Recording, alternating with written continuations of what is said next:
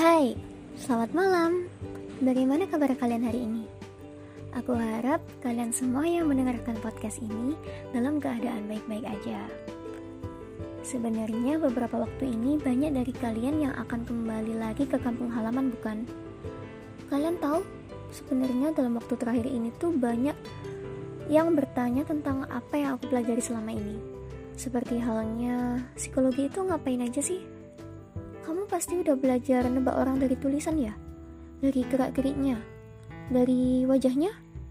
Coba kalau aku gimana? Hmm, aku cuma bisa diem, serius. Kemudian aku menjelaskan apa yang aku pelajari. Sebenarnya ruang lingkup itu sangat banyak. Bagian besarnya itu seperti pertama, ada psikologi eksperimental. For your information nih, Do itu fokus di penelitian dan statistik psikologi, juga bidang eksperimentasi psikologi. Jadi cocok nih buat kalian yang tertarik dari penelitian psikologi, statistik psikologi, sekaligus pengen jago di bidang eksperimentasi psikologi. Yang kedua ada psikologi klinis. Di bidang ini, kalian bakal fokus untuk mengotak-atik dan mendalami perilaku manusia secara khusus serta mendalam, yang tentunya berbagai kondisi mental manusia, dari yang paling ringan hingga yang paling berat atau rumit. Terus selanjutnya ada psikologi perkembangan yang gak kalah nih asyiknya. Di sini bakal berurusan dengan isu-isu terkait perkembangan proses mental manusia dari bayi sampai manula juga membahas hubungan individu dengan lingkungan, perkembangan intelijensi, kepribadian, serta kemampuan kognitif. Lalu yang keempat ada psikologi sosial. Di sini kita akan mempelajari tingkah manusia yang berkaitan dengan lingkungan. Di dalamnya akan mempelajari terkait pengaruh sosial, proses bersama individu, hingga interaksi kelompok. Selanjutnya, ada psikologi pendidikan pendidikan bakal menjadi poin utama untuk peradaban manusia. Maka proses pendekatannya harus sesuai, mulai dari pendidikan anak usia dini, motivasi belajar, hingga pendidikan non-jenjang seperti pelatihan staf ahli dan karyawan. Salah satu cabang psikologi yang fokus dalam tingkah laku individu dalam aturan kerja, yakni psikologi industri dan organisasi. Di dalamnya, kita akan mempelajari pola perilaku individu saat bekerja, baik perilaku yang nampak maupun tak nampak.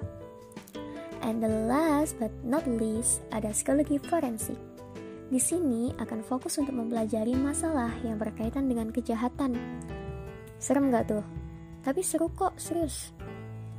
Kemudian ada juga yang sempat bertanya, terus kalau kerja bakal jadi apa? Apa bakal jadi psikolog, konselor, atau bahkan orang yang ngurusin orang gak beres di RSC itu.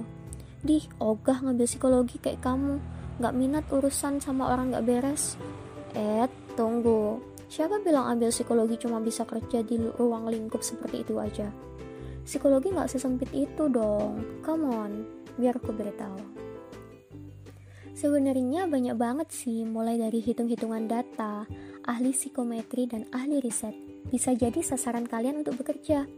Kemudian yang seperti orang lain tahu, ada psikolog ataupun terapis anak berkebutuhan khusus. Kalian yang suka dunia sosial, konselor, ahli intervensi sosial bisa menjadi pilihan. Pendidikan? Oh, ada guru bimbingan konseling, guru PAUD, TK, dan SD. Yang pengen kerja kantoran nih, kalian bisa lamar kerja di posisi Human Resource Development or HRD mau usaha independen ataupun kelompok, menjadi trainer atau konsultan psikologi juga bisa. Hingga psikolog forensik sangat dibutuhkan dalam penanganan kasus hukum hingga kriminalitas. Selain itu juga masih banyak lagi, seperti dosen psikologi, peneliti, penulis dan penerjemah buku, pekerja sosial, guru sekolah kepribadian, dan lain-lain. Selama itu ada manusia, kemampuan kita itu berguna Terus ada yang tanya lagi nih, bedanya psikiater, psikolog, konselor itu apa sih? Sama aja nggak sih? Oke, sekarang aku jelasin ya biar nggak ada salah paham di antara kita. Oke, aku jelasin mulai dari psikolog ya. Psikolog itu profesi dari ilmu psikologi yang diambil dari pendidikan sarjana psikologi yang menerusin program profesi atau S2 hingga kemudian belajar praktik menjadi psikolog. Penanganan dari psikolog adalah psikoterapi. Sedangkan kalau psikiater nih, spesialisasi dari ilmu kedokteran.